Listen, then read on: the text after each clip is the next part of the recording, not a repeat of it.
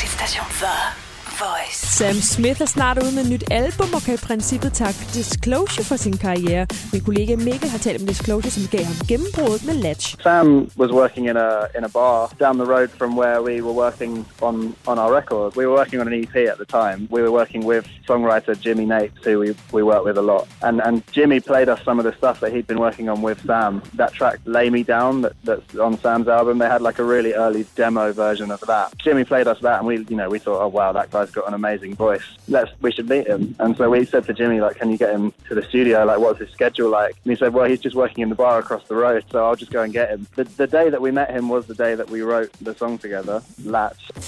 Nu går der rygter om, at Taylor Swift er blevet single igen. Det er meget lang tid siden, hun er blevet set offentligt med Calvin Harris, og i sommer delte de konstant billeder af hinanden på de sociale medier, men siden da har forholdet virket halvdødt. I onsdag stillede to Swift til Country Music Awards, men Calvin var ikke ved hendes side, som han plejer.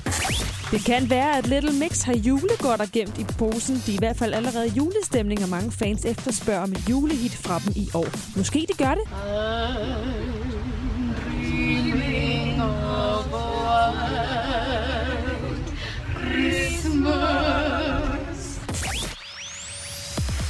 Khloe Kardashian har fået et nyt job. Hun har både udgivet bøger, haft eget radioprogram, været X-Factor-vært og lavet træningsapp. Og til i januar, der skal hun prøve kræfter med værtrollen endnu en gang med sit eget talkshow kaldet Cocktails with Chloe.